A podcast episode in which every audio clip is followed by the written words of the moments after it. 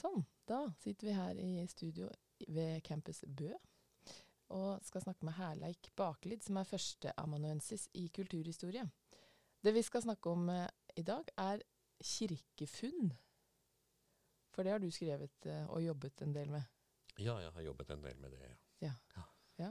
Kirkefunn, hva er det det Det går jo på altså materiale, gjenstander, som er frambrakt gjennom arkeologiske undersøkelser av eh, grunnen under kirkegulv i norske middelalderkirker. Ja. Og det er en egen uh, gren innenfor arkeologien? er det sånn? Ja, kirkearkeologi kan ja. du si er en slags uh, egen gren innenfor arkeologien. Mm. Den har kanskje ikke hatt uh, Er vel ikke den som har det største fokuset, men det har vært en gren. Og nå i seinere tid så har det ikke vært drevet så mange arkeologiske undersøkelser som det ble gjort tidligere. Det starta jo på 1950-tallet særlig, og så ble det en del undersøkelser da utover på ja, 70-tallet og 80-tallet. Så det er vel om lag 70 norske kirker og kirkeruiner som er eh, undersøkt. Ja, Men når er det man eh, på en måte får tilgang til under kirkene? Ja, Det er særlig i forbindelse med nødsarbeid, som de kaller det. Altså hvis de må foreta et eller annet uh, arbeid for å motvirke skader på kirken, råteskader, at det er for dårlig lufting under kirkegulvet, så har man altså måttet gjøre et eller annet for å bevare kirken. Så det er, eh, man gjør det nærmest av, av nød. Det var i, så, for å få undersøkt kirkene. Ja. Mm. Men det viser seg altså å være en del spennende under gulvet? Veldig mye spennende. Altså, man har jo eh, vanligvis så finner man flere tusen gjenstander under i kirkegulvene. Og det spenner fra, fra graver, aborter. Det kan være pinner av forskjellige utformninger. Det kan være um, tråder med knuter på. Det kan være drakt, uh, altså gjenstander, drakt, uh, søljer. Det kan være krittpiper, fiskekroker, spillekort. Det kan være terninger. Mynter finner man i hopetall. Så, så det er et veldig variert uh, gjenstandsmateriale. Jeg kan også nevne dokker, pjotrepakker og pilegrimsmerker kan vi også nevne. Ja, Pjotrepakker, det kommer du kanskje til å snakke litt mer om? Uh, det kan vi komme tilbake ja, til, ja. ja. Et ikke så velkjent ord, kanskje? Eh, ikke så veldig nei. velkjent i dag, og kanskje ikke tidligere heller, nei. Nei, mm. nei. Men det er i hvert fall såpass mange gjenstander at det uh, kan umulig ha blitt uh, mista ned alt sammen? Eh, jeg vil nok eh, mene at eh, mye, eller mange av gjenstandene er lagt ned som, med hensikt. Ja. Altså Vi kan ikke se bort fra at en del er mista uh, gjennom tidens løp, gjennom utette gulv. Det var jo slik at eh, man hadde ikke not og fjær i, når det gjaldt disse gulvplankene. Mm. Det kunne også være halvkløvninger man la inn. Både, både steinkirker og stavkirker har hatt tregulv. Oh, ja. ja mm. så, så, så, la man altså kanskje planker ved siden av hverandre, og så tørka det litt, og så oppsto det en sprekk på kanskje en liten centimeter eller mer.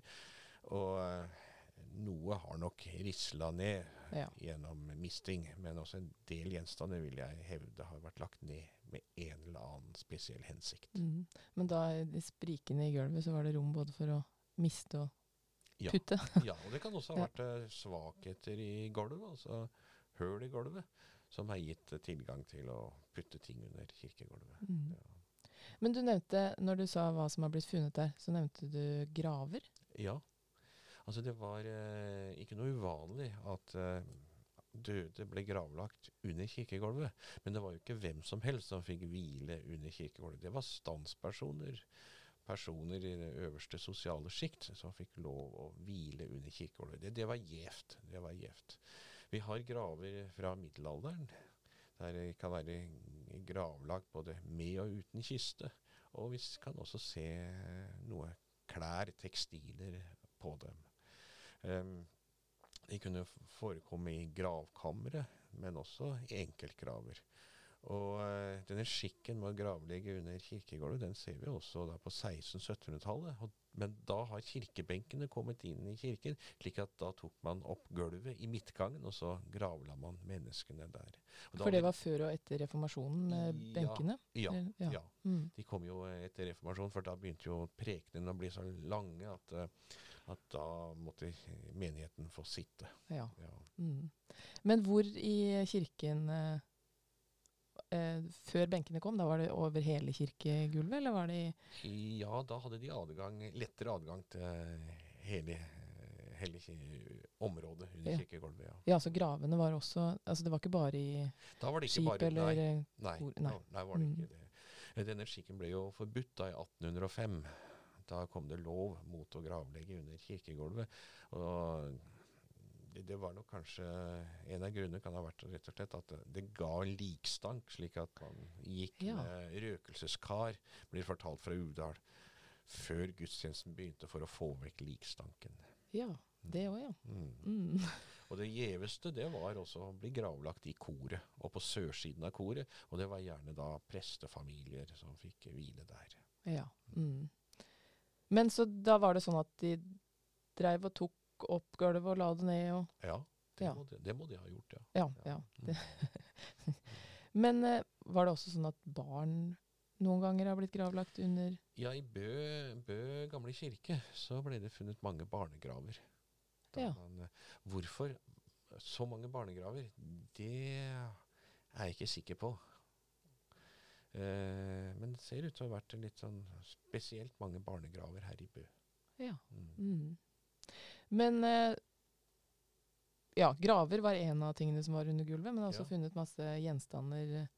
Eh, men kan det være noe at man putta ting ned der for å ha kontakt, komme i kontakt med de døde som lå der òg, eller var det Ja da, det, det, det kunne man eh, gjøre. Jeg, jeg vil jo mene at, eh, at eh, grunnen under kirkegulv i den folkelige forestillingsverden har hatt en dobbelthet, en dualisme. Jeg vil mene at eh, det både har vært et magisk religiøst område som egna seg veldig godt til å kommunisere og komme i kontakt med Gud eller helgen. Men det har også vært et, eh, som vi nå har snakka om, et sted, et tilholdssted hvor de døde. Og det kunne man da benytte i magisk terapeutisk eh, hensikt for å søke helbredelse eh, for visse sykdommer. Mm. Ja. Mm. Og det er noen av gjenstandene som uh, vitner om at det Ja. har blitt eh, Det vil jeg faktisk eh, mene at det er. Vi kan, eh, hvis vi ser på dette med dokker som er funnet under kirkegulv, så er det altså tøyfiller som er omsurra og ombundet på en slik måte at de danner ja, fasong eller form som et lite barn. Og i flere tilfeller ser vi også at det eh, trer fram et hode. Og da er jo eh, spørsmålet hva disse dokkene har blitt eh, brukt til. Hvilken hensikt de har hatt. Eh, hvis vi ser på, ser på tekstilen i det, så er det flere av de som er av bomull. Og da må de antageligvis stamme fra siste halvdel av 1800-tallet. For bomull Ja. ble allemannseie da eh, på midten av 1800-tallet. Vi har flere også lag, som er laget av lintekstiler, og de er litt vanskeligere å, å eh, datere. De kan gå tilbake til middelalder, men ut ifra si, funnomstendighetene, det vi kaller for stratigrafi, så tyder vel på at en del av dem også er etter reformatoriske, altså etter 1537. Det som også skal sies om dokker, er at vi kan finne se dokkeserier. At det kan finnes eh, dokker som omtrent samme utforming, av samme materiale. Og jeg vil da mene at disse dokkene er lagd av en og samme person ved en og samme anledning. Og hva kan være grunnen til at man har lagt flere dokker ned? Ja, det Altså, det tretallet, det har jo en magisk eh, hensikt i, i folketrua. Så det, det Og det kan også være at man da kanskje kan ha ment at man skulle ha større sannsynlighet for å bli helbreda av den sykdommen som eh, man, man eh, kunne kalle valken, eller som vi også kaller for svekk. Liksvekk. Altså det, det man Det var egentlig folkelig betegnelse på det vi i dag kaller for rakitt, eller engelsk syke. Og eh, i, i den folkelige forestillingsverden eh, så var det slik at man trodde at det var de døde som hadde påført barnesykdom. sykdom. vi, vi, finner jo Asbjørnsen, Peter Kristen Asbjørnsen skriver jo i sitt uh, stykke 'En signekjerring', som er henlagt til Gudbrandsdalen. Uh, hvor, hvor, altså en mor tilkaller signekjerringa for barnet hennes er sykt. Og så tar signekjerringa og, og støper bly. Altså hun tar og smelter bly, og så tar hun også eh, vannkar, og så har hun flatbrødleiv over, og så litt hull der, og så heller hun dette smelta blyet over, over flatbrødleiven, og så renner det ned i det kalde vannet. Og, og, så stiller hun diagnosen ved å se på de figurene som ble dannet gjennom dette her, og så ser hun da at det er likkiste. Hmm. Hm, sier signekjerringa, det er ei råd det leiter på, jeg skal gjøre sammen en reivunge, så tror de døde de har fått barnet til seg, og Gud hjelpe meg om de skjønner annet, sier hun. Og så det er eh, liksom for å lure Ja. ja. Det er for å, å, å putte disse dokkene under kirkegulvet, som var de dødes tilholdssted. Så late som om det var barnet? på en måte? Ja, så at det, forestillingen må ha vært at at den sykdomsfremkallende um, påvirkningen som de døde hadde på barnet, det skulle gå over på denne dokka. Mm. Så erstatning for barnet, og så skulle barnet friskne til. Akkurat, ja. Og, det, og, og Asbjørnsen skriver jo altså i denne stykket eller, om signekjerringa at, at um, det, det, det, er eh, liksvekk fra kirkegården, sier signekjerringa.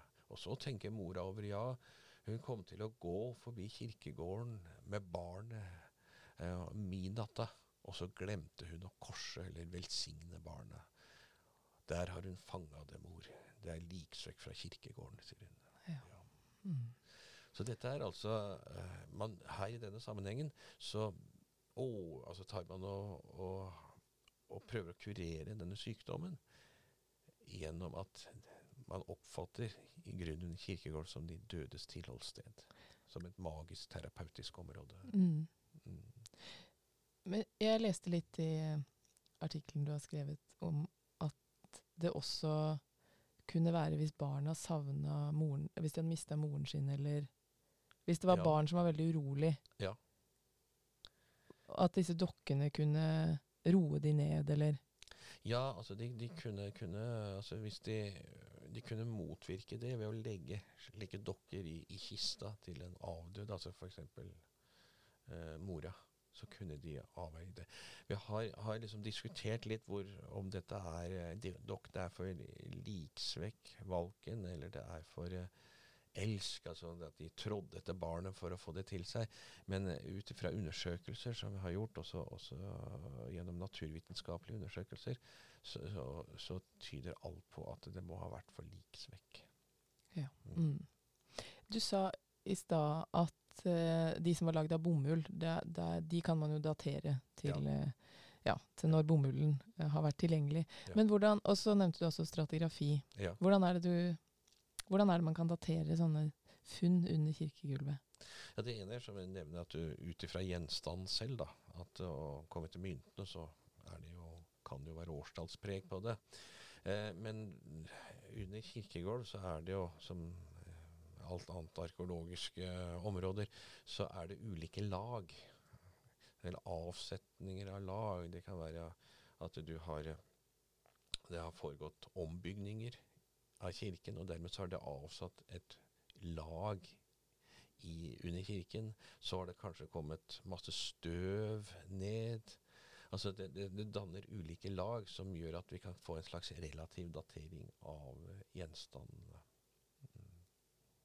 Så ja, relativt, så det er mest i forhold til hverandre? Det, I forhold til hverandre, ja, stort sett, ja. Ja. mm. mm.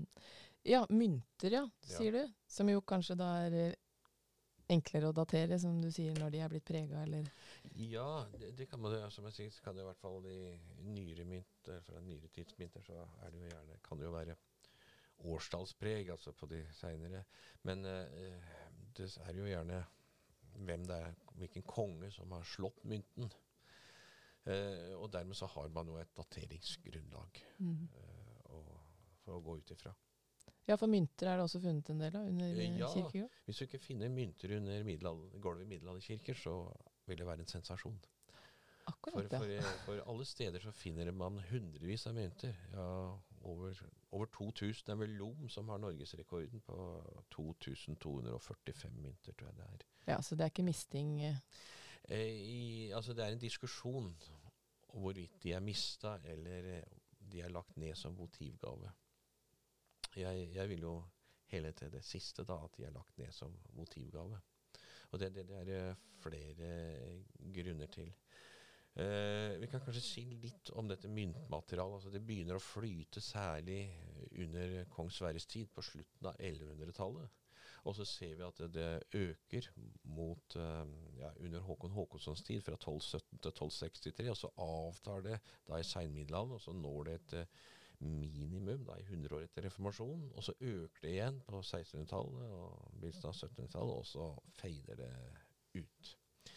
Vi ser også at, uh, at mesteparten av myntene er fra middelalderen. De er 80% eller vel så det, er stammer fra middelalderen i disse kirkefunnene. Eh, av og til så er det også mynter fra 1000-tallet som det ble funnet her i Bø gamle kirke. Den har en litt annen funksjon, det kan vi komme tilbake til kanskje. Eh, eh, en del av disse myntene dannet også myntkonsentrasjoner. ved hjelp av statistiske uh, metoder så fant vi ut at uh, disse myntkonsentrasjonene uh, knapt var tilfeldige. Det må ha vært en Og hva kan de ha Ja, altså jeg, tror at de kan ha vært rette som motivgave mot, en, relikvier eller helgen. ja, for de lå rett ved Ja, det var slik at, uh, at i katolsk tid, og det var vel allerede kirkemøtet i Nikea i 787, som uh, sa at kirkene skulle inneholde relikvier, altså et, levninger fra, fra helgener. Og dette må ha, ha, hatt gjennomslag også i Norge relativt tidlig, for allerede i et dokument som heter Canones Nidolciensis fra ja, 1152 eller 53 1180, altså dette tidsspedet, så står det det at biskopen under visse omstendigheter kan fjerne de hellige relikviene fra kirken, og gjennom det så kunne han da gjøre kirken funksjonsdyktig. De kunne ikke holde messe der. Så dette, dette tyder jo da på at, at relikvier har vært vanlig i norske kirker relativt tidlig. Og, og går vi til faktisk Høre stavkirke i, i Valdres, så har man også funnet en slags fordypning, steinsatt fordypning ved alteret. Og det som var veldig interessant her, det var jo at det ble funnet over 100 mynter i denne steinsatte fordypningen. Og alle, bortsett fra én, stammet fra middelalderen. Og jeg tror at denne fordypningen har vært en helgengrav hvor man altså har oppbevart de relikviene som var påkrevet for å ha kirken i funksjon, altså kunne lese messe i den. Ja. Det, det, det, det, har nok ikke vært så veldig vanlig i norske kirker, men uh, vi ser et par eksempler på det. Mm. Mm. Eh, når uh, disse myntene var, uh, var ofring, mm. var det et offer? Altså, hvor mye, var, hvor mye, var, myntene verdt for folk som ja, altså det, det, det, er et småmynt som er ja. funnet av de minste nominaler som har vært i, i sirkulasjon. Men hvis vi går til 1290-tallet, så kunne en mynt utgjøre kanskje en halv dagslønn, kanskje opptil to dagslønner for en gårdsarbeider. Så det var ganske mye å legge Det var ganske mye. Ja. Mm. Så enkelte har jo ment at uh, de rett og slett har vært mista disse myntene gjennom gulvsprekkene. Men uh, jeg har jo for så vidt også andre argumenter enn bare dette fordypningen i Høyre stavkirke. Fordi vi finner, finner mange av de samme gjenstandstypene i hellige kilder som under kirkegulvet. Og vi vet jo at i hellige kilder så har myntene vært lagt ned med hensikt for å oppnå en bønnhørelse. Og, eh, og, og skal vi si at både kirkegrunnen og hellig kilde er, er hellig grunn. Mm. Oppfattes som hellig grunn mm. begge steder. Har også i Øymark kilde i Østfold så, så, ble det også gjort et kildefunn med mynter fra etterreformatorisk tid. Og vi ser akkurat den samme skal vi se, utviklingen i myntene, myntrekka der, som under kirkegården. At vi får en topp altså på 1600-1700-tallet, og så fader det ut igjen. Mm. Men uh, står denne misteteorien uh, sterkt, eller? Altså, Når du sier 2000 mynter i lom, så høres jo det mye ut. Ja, altså Blant numismatikere så står nok den eh, Ja. relativt sterkt. Blant eh, noen av oss kulturhistorikere så er nok eh, motivgaveskikken Eller de har vært lagt ned som, som eh, motivgave, det som står sterkest. Mm. Og dette må vi altså se da sammenheng med helgen og relikviekulten. Mm. Uh, vi, vi må også kunne anføre her at det er funnet tradisjonsbelegg på at man kunne legge mynter under i kirkegulv for å oppnå et eller annet spesielt. Altså det, fra Hallingdal så har vi tradisjonsbelegg for at man kunne putte en mynt under kirkegulvet hvis det var en jente som var interessert i en gutt, eller en gutt som var interessert i en jente og det var vanskelig å få ja, så kunne man putte en mynt under kirkegulvet, så skulle det ordne seg. Ja. Um, vi har også fra andre steder i landet eh, belegg for at man kunne ta og ta syke barn gjennom messeskjorten, og etter det så skulle man putte en mynt gjennom kirkegulvet, så skulle barnet bli helbredet mot uh, engelsk syke. Så vi har også tradisjonsbelegg for dette her. Mm. Så jeg, jeg mener altså at disse myntene er lagt ned som motivgave.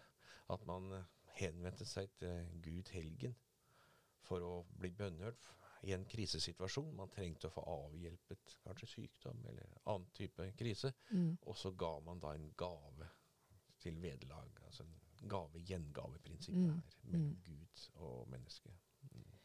Men du, dette magiske området under gulvet der. Mm. Eh, da vi snakka om de dokkene i stad, Ja. så er det jo en eh, spennende dokke som du har funnet, skrevet litt om, som vi glemte å snakke om. Ja. Eh, en slags eh, voodoo-dukke. Eh, dukke. Ja. ja, den ble funnet i Reinli stavkirke, og det som er interessant er at det er en spiker som er puttet inn i hjerteregion på dokka, og så er de da eh, putta under kirkegulvet av en eller annen grunn. Så dette, dette, dette er eh, altså bildetrolldom, blir det av og til kalt. Eh, jeg tror dette er det eneste, trolig det eneste eksempelet som jeg, i hvert fall jeg har Ja. klart å finne Mm. på bildetrolldom eller voodoo-dokke Ja. i, i Norge. Altså, det er en tolkning, selvsagt, jeg har. Man kan jo spekulere på hvorfor den har kommet under kirkegulvet. Det kan være at man, eh, noen har sett henne og sett henne dokka og følt seg truet, og, og har brakt det inn under den kristne sfæren for å nøytralisere disse trolldomskreftene. Mm. Men det kan også være for at eh, man vil lade opp dokka med ved hjelp av de kristne kreftene for at den skulle få større virkning. Voldsomt eh, eh, område, dette kirkegulvet, når du Ja. snakker om alle de tingene som er funnet her. Både Ja. ofringer og voodoo og eh, Du nevnte i stad pjotrepakker. Ja, det, det er noe som kanskje ikke er så godt kjent. Det å pjotre, det, det, det, det er kobla til trolldom. Og det man jo, å pjotre betyr å også snakke lavt, mumle. Og det man da gjorde, det var å snakke lavt eller mumle inn i tøyfiller. Jaha. Og da man mumla så trollformene inn der, og, og da kunne de bli ganske ubehagelige. Man kunne f.eks. kaste eller legge i veikanten der som eh, Hvis du hadde en uvenn, og han skulle komme til å gå, så ville det da sette forferdelig magesjuke på uvennen sin. Og det ble kalt å kaste for vondt i veien. Eh, Stunda så kunne også pjotre dette inne på, på glass, med små medisinglass kanskje og tett igjen, og da, da, da virka det mye sterkere, og, og det, det holdt seg også lenger. Så det var en form for trolldom, og vi finner det ikke minst oppe i Udar stavkirke, som jeg vil mene er Norges, ukronede norgesmester i pjotring, altså. uh, Det er en flott tittel. ja, det Selv om jeg har, har mitt opphav i Numedal sjøl, så sy syns jeg jo det er morsomt å nevne det.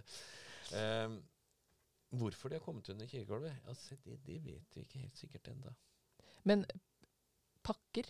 pakker Altså hva er det, er det stoff, eller hva er det? Ja, de er laga av lin, tekstiler en del, og så er de ombundet og, og omsøya, rett og Så slett. har man snakka inni der? Ja, Eller Ja. liksom mumla inni der? mumla inni der. Og så lagt de ned under Og så har man lagt under kirkegulvet. Vi gikk inn med fiberoptikk i Ja. disse pjotrepakkene for mange år siden, og da fant vi litt sånn hår og litt sånn um, ja, litt sånn eh, lau, litt sånn eh, eller blad, en eller annen vegetasjon inni der. Hvordan kjenner man til de tradisjonene om det Er det nedskrevne Ja, det, det, det forekommer nok lite grann om trollpakker eller trollåspakker, men det er ikke så veldig mye. Men, men litt, eh, eh, lite grad finnes. Men det er jo, eh, høres ut som det er både ja, trolldom og, trolldom og guddom Ja der nede. Ja da. For pilegrimsmerker er også blitt eh, Ja da, det, det er ikke veldig mange, men det er funnet noen. Det er funnet i Uvdal stavkirke, og det er funnet i Lom stavkirke, og det er funnet i Bø gamle kirke. Både i Uvdal og, og i Bø så er det funnet pilegrimsmerker av Olav den hellige. I Lom så er det funnet av Nikolaus av Bari. Og disse pilegrimsmerkene det var eh, skal jeg si, avstøpninger av den helgenen på det valfartsmålet det var. Altså Når det er Olav den hellige, så må det ha vært noen som har vært på pilegrimsferd eller valfart til eh, Nidaros. Og hvorfor de dro dit? Ja, Det kan være fordi det var en religiøst motivert handling, men det kan også være at de har vært påført dette som en botshandling, eller pålagt som en botshandling, etter et eller annet, eh, et eller annet eh, ugjerning de har gjort. Og når de kom der, så fikk de da altså dette pilegrimsmerket, og så har de da brakt det med hjem. Det fra, det fra Bø stammer vel fra slutten av 1100-tallet. Og, eh, og Håkon Christi fortalte meg at dette her eh, av Nikolaus Abari, altså da må det være en som har vært nede til Italia, han sa at det var plassert i alterfundament i Lom stavkirke, og det var plassert på en slik måte, eller de fant det på en slik måte at det måtte være deponert med hensikt. mm, Og jeg tror det har vært lagt ned også som motivgave, fordi dette var gjenstander som har hatt ganske høy kanskje privat verdi. Ja, så folk passa på det. Ja, for Ja. den som hadde vært på pilegrimsferd. Mm.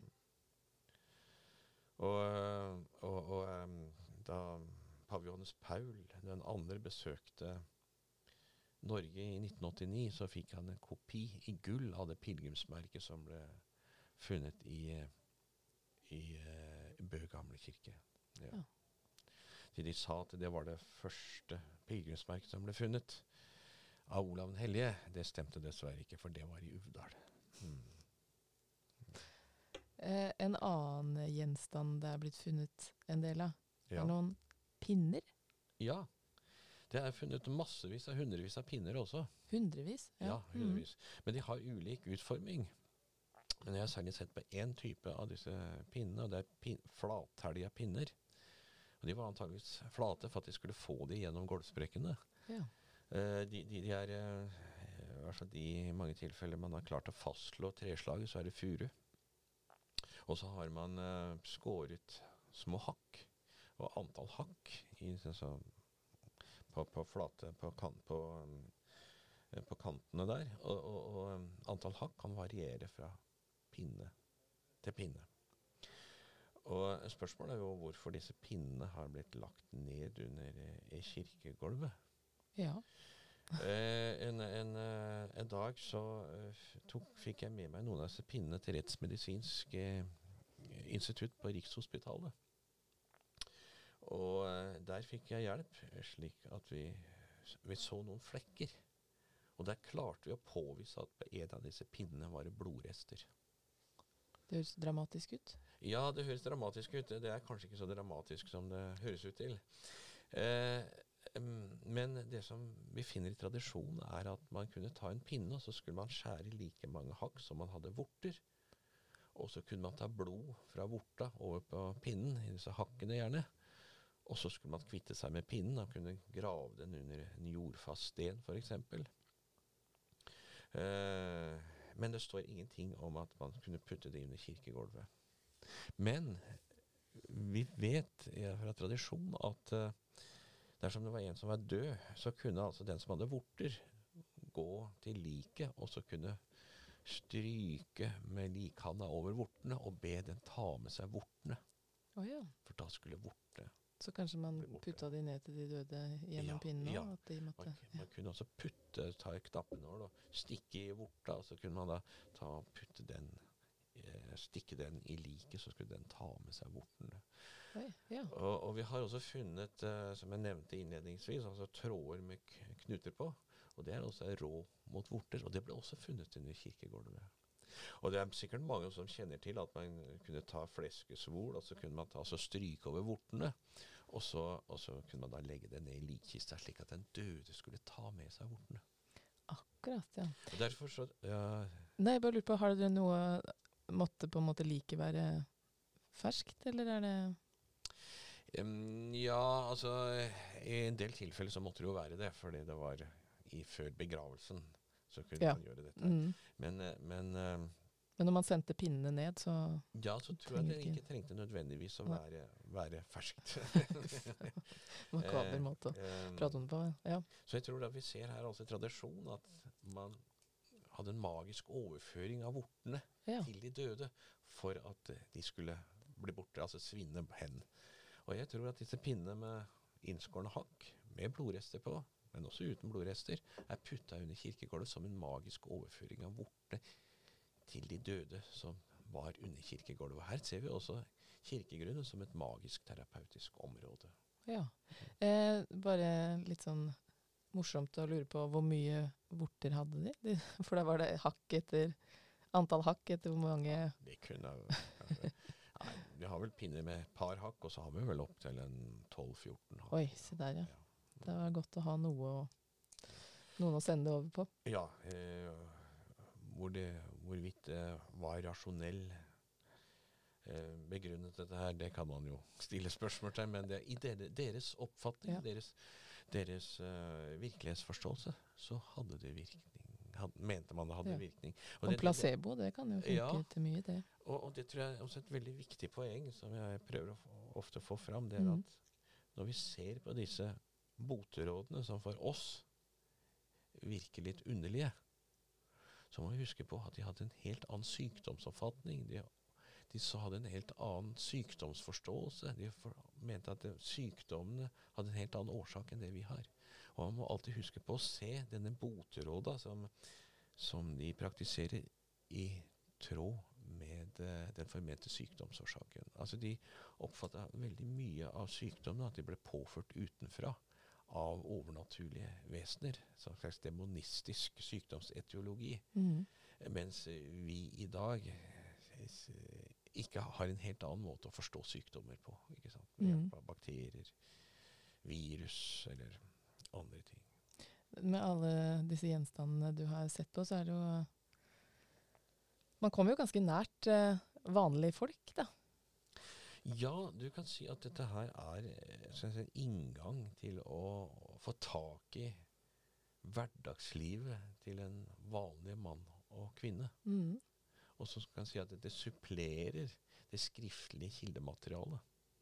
Fordi vi må huske på at en vanlig mann og kvinne det var en skal vi, befolkningsgruppe eller et sosialt strata i samfunnet som ikke nødvendigvis etterlot seg så veldig mange skriftlige kilder. Mm. Så dette er med på å supplere, supplere vår kunnskap. Det kan være med å supplere vår kunnskap mm. om vanlig mann og kvinne. Og, og vi kan si at uh, disse kirkefunnene, de eh, myntene, disse dokkene, de forteller oss om eh, menneskeskjebner i samfunnet. Mennesker som har vært i en eller annen krise. Det er mennesker som hatt sykdom. Eh, det ligger menneskeskjebner bak. Og for, de forteller oss om mennesker som i sin vanskelige situasjon har søkt hjelp eh, fra, fra ulikt hold. Mm. Jeg tror jeg kommer til å ha et litt annet uh, syn på kirkegulvet etter den uh, samtalen her. Litt, eh, ja, Takk for det. ja. jeg tenker Ja. at der ligger det spor. Det er jo en svenske som har sagt eh, treffende at det finnes sjel av tro, at kirken er nøkkelen til vår bygds historie. Ja. Og jeg pleier å vri litt på det og, og, og si at det finnes sjel av tro, at kirken er nøkkelen til en bygds kulturhistorie. Ja. Mm. Og uh, vi har jo Grundtvig-salmen 'Kirken den er et gammelt hus'. Og jeg pleier å vri litt på den og si at kirken den er et spennende hus. Ja, at det er ikke bare det religiøse, men også det ja, kulturhistoriske i bredere Ja. Forstand enn det. Ja. Mm. Veldig spennende. Tusen takk for uh, spennende samtale om uh, kirkefunn. Takk skal du ha.